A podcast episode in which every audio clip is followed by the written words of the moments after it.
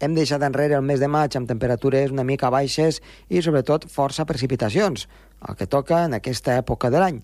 Veurem el que ens porta al juny. De moment hem tingut de tot, nevades i també calorades. Comença el torn.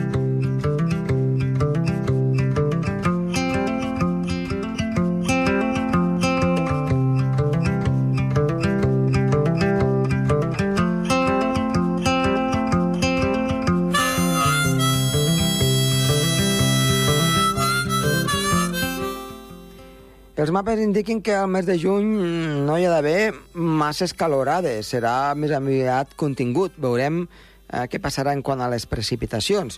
De moment, per avui, en el programa parlarem, entre d'altres coses, evidentment, del temps que ens espera per aquest llarg cap de setmana i també parlarem, en aquest cas, de notícies meteorològiques amb en Sergi Càrceles. Atenció, anirem a esbrinar una mica més què són els terratrèmols, com es formen i quins són els tipus que hi han arreu del món. Tot això i molt més en el programa que tot seguit comença. Som-hi!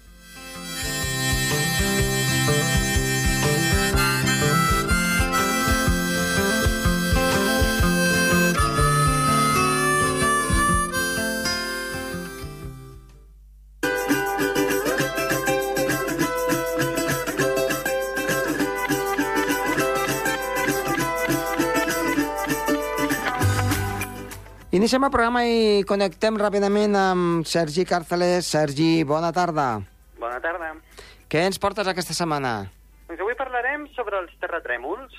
Molt bé, els terratrèmols que eh, fins i tot aquí al Pirineu ens afecten de tant en tant. Sí, i és que els terratrèmols és un fenomen, en aquest cas no meteorològic, però sí geològic, que afecta a tot el planeta Terra, uh Mhm. -huh. encara que sí que és veritat que hi ha alguns punts que són molt, menys, molt més propensos a aquests terratrèmols. Ara ho parlarem. Uh Mhm. -huh. Primer explicarem què són els terratrèmols. Els terratrèmols són moviments de, de terra, sobretot moviments a l'escorça terrestre, i els quals creen doncs, aquest temblor que el que crea són ones, i aquestes ones el que causen són aquestes destrosses, sobretot edificis i infraestructures humanes. Uh, com nosaltres bé sabem, el planeta Terra està format per diferents capes, entre elles el nucli, l'escorça terrestre, i aquesta petita escorça, que és realment molt prima comparada amb tot el, tot el, el tamany que té el, el planeta Terra, Sí? aquesta escorça es va movent, es mou com si fossin illes gegants entre un mar de lava. Uh -huh. Aquestes plaques tectòniques, que bé, són les que creen aquests terratrèmols, és aquesta diferència entre placa i placa. Llavors, quan més a prop estem d'una placa tectònica o d'una falla, Sí. més possibilitats hi ha que hi hagi terratrèmols, pel fet que allà és on hi ha el màxim moviment terrestre. Per tant, quan estem al límit d'aquesta placa tectònica, compte. Sí, compte, perquè segurament hi ha moltes possibilitats que hi hagi terratrèmols i és més, hi ha moltes illes, sobretot al Pacífic, Uh -huh. per exemple, les illes, doncs, el, les Filipines, també hi ha la zona de... La, bueno, tota la zona de la- d'Indonèsia, Uh -huh. uh, fins i tot Japó. Uh, totes aquestes illes o arxipèlags s'han estat formant doncs, a causa de terratrèmols o també d'activitat volcànica. I és que l'escorça terrestre no només crea terratrèmols, sinó també els volcans. Volcans que després doncs, formen aquestes illes, que ja, eh, moltes d'elles ja són molt, molt famoses doncs, per ser bastant habitables. Però anem a explicar uh, que hi ha, dos, hi ha tres tipus de moviments de, de plaques. Uh, hi ha el, les plaques les quals es van ajuntant entre elles i aquestes el que creen són la, el màxim de terratrèmols. Per què? Perquè sempre hi ha una placa que és menys densa que l'altra i la que és més densa sempre tendeix a anar cap a dins, tendeix a enfonsar-se i posar-se per sota de l'altra placa. Clar, estem parlant de dos masses de terra que són dures, però que una a poc a poc es van dinsant cap avall i això crea una tensió. Aquesta tensió és com si ens, imagine, com ens imaginéssim una goma. Nosaltres anem tensionant una goma, cada cop es va tensionant més, i hi ha un moment que ja no pot eh, aguantar més la tensió i peta, explota. Doncs això passa igual amb els terratrèmols. Quan es crea molta tensió i al final aquesta tensió no pot ser retinguda, Sí. l'escorça terrestre es mou molt bruscament en pocs segons i això crea unes ones, una onda expansiva, la qual doncs, eh, deixa doncs, tots aquests tamblos de terra, fan que els edificis es moguin, etc. Um, hem de diferenciar sobretot dos tipus d'ones. Una són les ones P, aquestes ones són les més ràpides, i aquestes zones són les primeres que arriben en els nostres sismògrafs, que són els estris que, que bé, doncs, investiguen i calculen la potència d'un d'un terratrèmol. Sí, eh? ho, ho mesuren, no?, al cap i la fi? Perdó? Ho mesuren, no?, al cap i la fi? Correcte. Aquestes zones P no són gaire destructives, però després venen les, les zones S, que uh -huh. tal com diu la lletra, la S, aquest moviment no serpentiu, sí. uh, és el que crea doncs, aquests moviments que fan que tremoli la terra molt i uh -huh. són els que causen doncs, les destrosses, sobretot edificis, etc. Uh, com nosaltres comentàvem, no? hi ha zones que són molt més propenses. Entre elles hi ha una illa molt famosa, un arxipèlag, que és Japó. I és que a Japó uh, allà hi ha molts terratrèmols, moltíssims. Més hi ha terratrèmols que quasi, quasi hi ha alguns jocs on ho viuen com el dia a dia i és que allà hi ha tants terratrèmols que s'han vist fins i tot, ha molts vídeos de YouTube eh, o les xarxes socials, no?, de gent que està a l'oficina treballant, hi ha un terratrèmol bastant fort. Si hi hagués un terratrèmol aquí d'aquestes magnituds, segurament ens espantaríem molt. Uh -huh. uh, però ells ho viuen molt normal, no, no, no, no sobresalten ni res. També cal dir que al ser una illa amb tants terratrèmols, els edificis, tots els edificis, ja s'han fet a consciència. Eh? Tenen a, a la planta, de, a les zones de baix de tots els edificis, hi ha com uns amortiguadors que el que fan és que, que aquests edificis doncs, no, no caiguin al terra. Clar, eh, també cal dir això, no? És igual que, que el vent, segons on bufi, sí. o la potència que bufi, si estàs a una zona on la gent està molt acostumada a grans velocitats del vent, no ho sentiran igual, o no hi haurà les mateixes destrosses com els terratrèmols. Al uh -huh. final, l'ésser humà doncs, sempre es va adequant eh, i sempre va doncs, superant els, els límits que, les limitacions que dona la, la natura. La natura. Però bé, és el que diem, no? Els terratrèmols és una cosa que també, com has comentat tu, també passa per aquí, a Andorra. I és que a vegades s'han enregistrat terratrèmols, terratrèmols fluixos, eh, que bé, només les persones que estan més atentes eh, doncs poden veure no? que a vegades tremola una mica interna o veiem que una làmpara es mou una mica i no sabem el per què. No són terratrèmols grans. També un dels fets és que estem lluny d'aquestes falles, eh? aquesta diferència entre les escorces. Però eh, sí que és veritat que hi ha terratrèmols, eh? no, no, no ho podem negar, i és que al final terratrèmols hi ha a, a tot arreu, però és un fenomen que, per sort, doncs aquí no, no afecta gaire. Uh -huh. fa, fa poc n'hi va haver un també aquí a l'Urgell, uh, no sé quina magnitud, 4, 4 i escaig, i sí. va fer un petit desperfecte en algunes zones de l'Urgell, molt poqueta cosa, però sí que es va sentir, eh? I les persones que, que ho van viure, tinc un amic que ho va viure, uh, al Pla de Sentir, i, i va dir de cop i volta com un soroll sort, i tot es va moure, i, i clar, diu, bastant assustat, perquè clar, no saps, no t'ho imagines que pot ser un terratrèmol perquè no hi estàs acostumat, no? I és una sensació una mica, eh, per d'alguna manera, una mica fotuda, no? de, de trobar-te. Suposo que eh, el que tu deies, eh, ens passés una cosa com el Japó, la situació seria una mica caòtica. Que, bueno, ens agafaria un atac de cor, jo crec, eh? Pràcticament, eh? Perquè però, clar, allí ho viuen com, com un fet diari, eh, pràcticament, i que, i que afecta doncs, a, a tota la població de, de Castella. Correcte, correcte. Mira, al final ells han estat educats perquè quan passin aquestes coses ja saben concretament què és el que han de fer. Uh mhm. -huh. Molt bé, doncs Sergi, eh, ben explicat això dels terratrèmols i ho tindrem molt en compte. Esperem que, no, que vagi bé. Que no ens en agafi cap. Vinga, no, una abraçada. No. Adéu-siau.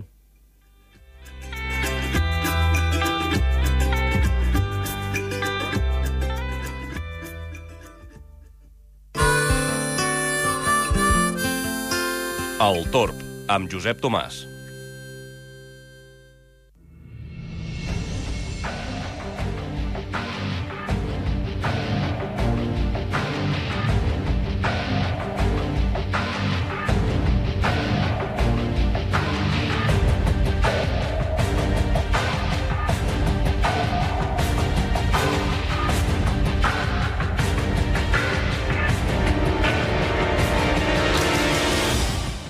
Bé, doncs avui volem parlar de notícies científiques que han anat sortint al llarg d'aquests darrers dies. I comencem per una que és força impactant. Atenció, podríem ingerir cada any, cada persona, al voltant de fins a 120.000 partícules de microplàstics. Les traces d'aquests minúsculs fragments de polímer ja han sigut trobades en aliments com ara el peix, el marisc, els sucres agregats, l'alcohol, l'aigua i fins i tot l'aire. Un nou estudi que ha publicat la revista eh, Ciències del Medi Ambient i de la Tecnologia dels Estats Units, de la Societat Química eh, dels Estats Units, conclou, basant-se en l'alimentació mitjana d'un ciutadà, en aquest cas dels Estats Units, que el consum inadvertit d'aquestes substàncies està augmentant a l'hora que hi ha un abús d'aquest material, per tant, un abús dels plàstics. La investigació, que també ho porta en aquest cas una universitat, la Universitat de Victòria del Canadà, ha posat en comú una sèrie de resultats amb 26 estudis previs. En aquests estudis s'estima que la quantitat de partícules de microplàstics trobades als aliments és molt elevades. Què diuen? Recomanacions. Alimentació saludable.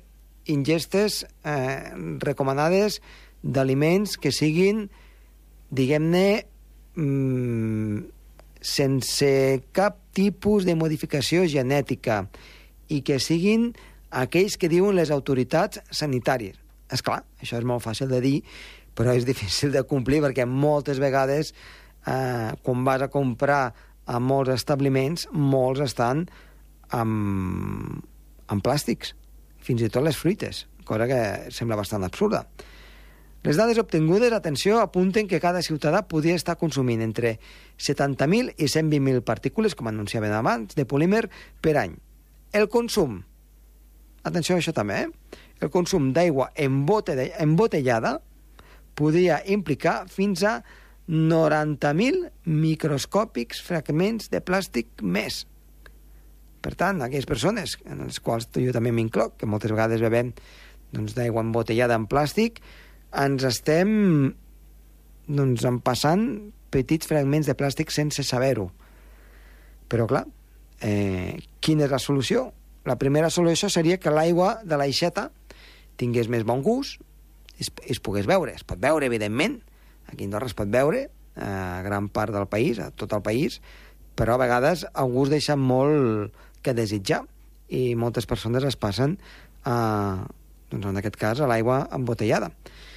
O canviar la manera d'embotellar l'aigua, potser en vidre, seria millor. I amb aquest vidre que pugui ser reutilitzable. Tot és qüestió de, de proposar-s'ho. Aquests, eh, aquestes xifres, però, continua eh, en aquest article científic, només serien la punta de l'iceberg. Els responsables d'aquest nou estudi argumenten que encara falten dades per avaluar la presència de microplàstics al costat de, del nostre entorn podria ser molt major. Per la qual cosa, els valors obtinguts fins ara podrien ser petits respecte als valors finals. I fins i tot, com es diu aquí, podrien ser subestimats. Falta investigar, per exemple, la presència d'aquests compostos en productes com cereals, verdures, carn de bou i ocells de corral, per tant, les típiques gallines. Eh, el que mengen les gallines, el que mengen tots aquests animals que ara doncs, hem, hem, hem citat, amb aquestes micropartícules, perquè, clar, no hem de pensar que ens en, ens en passem boletes de plàstic, no, sinó micropartícules, com la pols que hi ha a l'aire, que t'acabes empassant sense voler, doncs es veu que el plàstic eh, s'arriba, diguem-ne, a destruir, a quedar en la seva part, diguem-ne, més senzilla i fins i tot pot flotar en l'aire o pot estar eh, amagat dintre de qualsevol líquid. I això t'ho passa sense donar-te en compte amb el prejudici que després eh, pot portar per la salut. A més a més de, de, dels microplàstics, hi ha altres compostos tòxics que ens podrien, ens podrien afectar. Eh, almenys se n'han trobat fins a 60.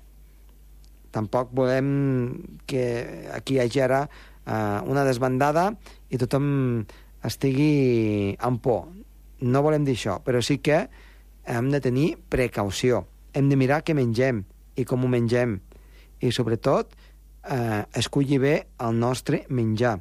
Tot allò que vagi embolcallat en plàstic i que sigui necessari, moltes vegades mm, ho hem vist, plàtans que estan eh, embolcallats en plàstic. Per exemple, el plàtan ja té una pell. Els kiwis ja tenen una pell, les pomes també. Hi ha molt... Et fiquen sis pomes embolcallades amb, un, amb una safata eh, de plàstic i plàstic per damunt. Això què és? És una cosa que mm, veritablement no s'entén. Se surt, se surt de mare. Fins i tot he vist eh, per les xarxes socials, suposo que a vostès també els hi ha arribat, plàtans pelats, plàtans pelats, embolcallats en plàstic, que això és l'antinatura total. En fi, continuem perquè si no eh, acabaríem dient potser alguna bestiesa. I és que eh, aquests microplàstics són eh, fragments que són inferiors a 5 mil·límetres. Per això ens ho pensem sense, sense que ens diguem-ne, sense que nosaltres ens en donem compte. Hi ha diferents tipus de plàstics, un cop ja s'han transformat en microplàstics, per tant s'han desfet pràcticament del tot. Uns són els primaris, que són aquells que s'alliberen directament d'un producte, eh, com és el cas de, de cosmètics, microfibres de teixit, la roba, la roba, la roba que ens comprem, aquesta roba doncs, que deixa aquests filets, moltes vegades, això, no, no moltes vegades, si no és cotó, són, està fet de, de, de petroli, de plàstic, i aquestes eh, petites partícules que volen, això ens ho passem. Doncs això també és, és, és contaminació. I els secundaris, hem parlat dels primaris, que són aquests, que és, són aquells que es deriven de la descomposició d'un producte, com passa, per exemple, amb la degradació de les ampolles de plàstic o d'altres elements que podem doncs, eh, llançar a la natura i que al final s'acaben eh, desfent en petits microfragments. Per tant, no és que es desfacin del tot i desapareguin, sinó és que es fan en microfragments que encara triguen molt més temps a desfer-se del tot. Tot això sona molt alarmista, però pensem que el medi ambient, el medi ambient que ens afecta a nosaltres, perquè aquí també som eh, nosaltres bastant, bastant egoistes. El medi ambient que ens afecta a nosaltres, també la natura, evidentment, està en un moment una mica, ja podríem dir, eh, delicat degut a que ja s'acumula eh, molta concentració d'aquests plàstics en ecosistemes naturals que ens afecten directament. Un exemple, llancem porqueria al mar, s'on passen els peixos, sense voler, i, i al final ens ho acabem menjant. Per tant, ens estem autoenverinant sense, sense saber-ho. És, per tant, aquesta situació és ja força crítica a molts dels mars, per exemple, al Mediterrani. Ja vam veure doncs, fa uns dies al fons mediterrani on veritablement semblava llavors doncs, un abocador de, de, de porqueria de les coses que s'arriben a llançar i que evidentment s'emporten als rius i, i les corrents cap a les zones més fondes, eh, en aquest cas de, de la mar Mediterrània. Per tant, què cal fer? Personalment, podem fer coses, però aquí són les autoritats, eh, aquí a Indorrea s'està fent afortunadament, que és qui vol una bolsa de plàstic l'ha de pagar, i cada cop són més cares, és una bona manera de frenar, si més no, eh, la producció de plàstics en el medi ambient i que nosaltres més en siguin conscients. Per tant, tingueu un compte, ja que ha sigut ara eh, aquests dies, ahir va ser, ahir dimecres, el Dia Mundial del Medi Ambient, tinguem present que no és tant pel canvi climàtic, per l'augment de temperatures, sinó perquè nosaltres puguem sobreviure. Eh, contaminar menys, i si contaminem menys, la natura ens ho agrairà, si no, tot això ens ho retornarà com ja ho està fent.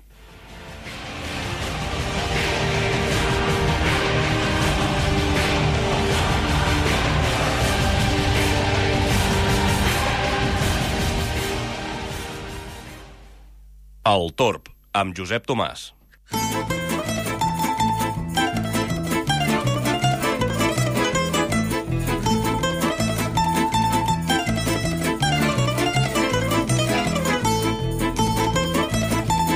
Doncs avui, avui que és dia 6 de juny, el dia que es compleixen el 75è aniversari del desembarcament a Normandia, que va posar Doncs eh, un canvi, un canvi en el que seria el final de la Segona, Segona Guerra Mundial.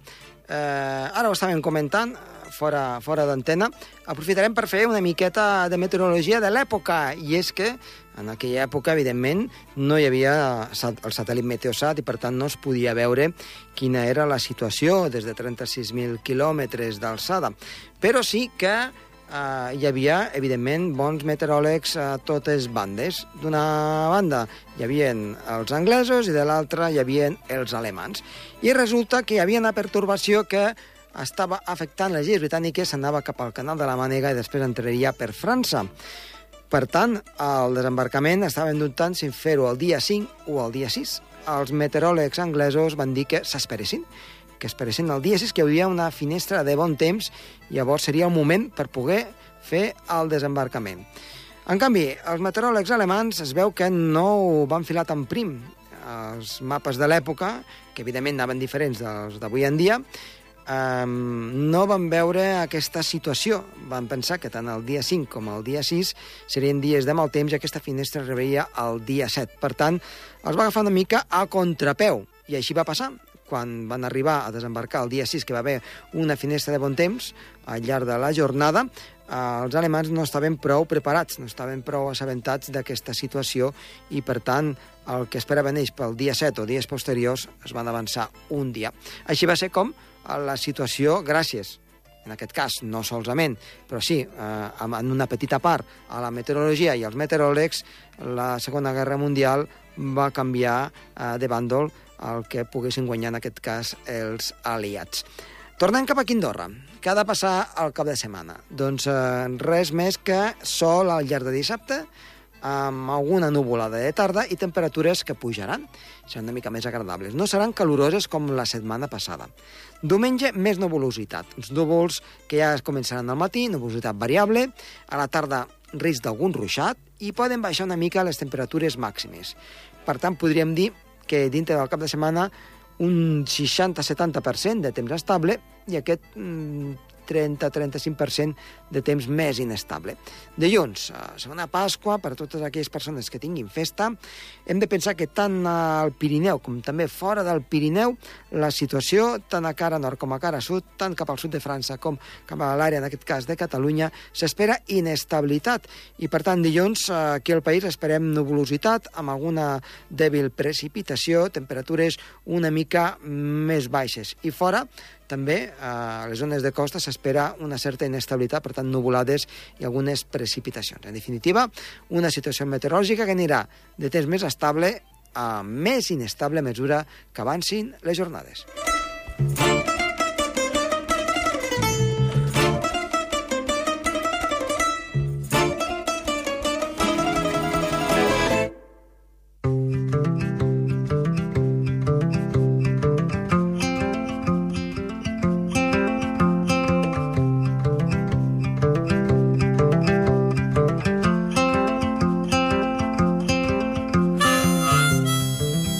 Doncs acabem aquí el programa. Esperem que els hi hagi agradat. Tornem la setmana vinent a estar de les vies de so, Toni Escur, i que els ha parlat de molt de gust, Josep Tomàs. Adéu-siau. Adéu-siau.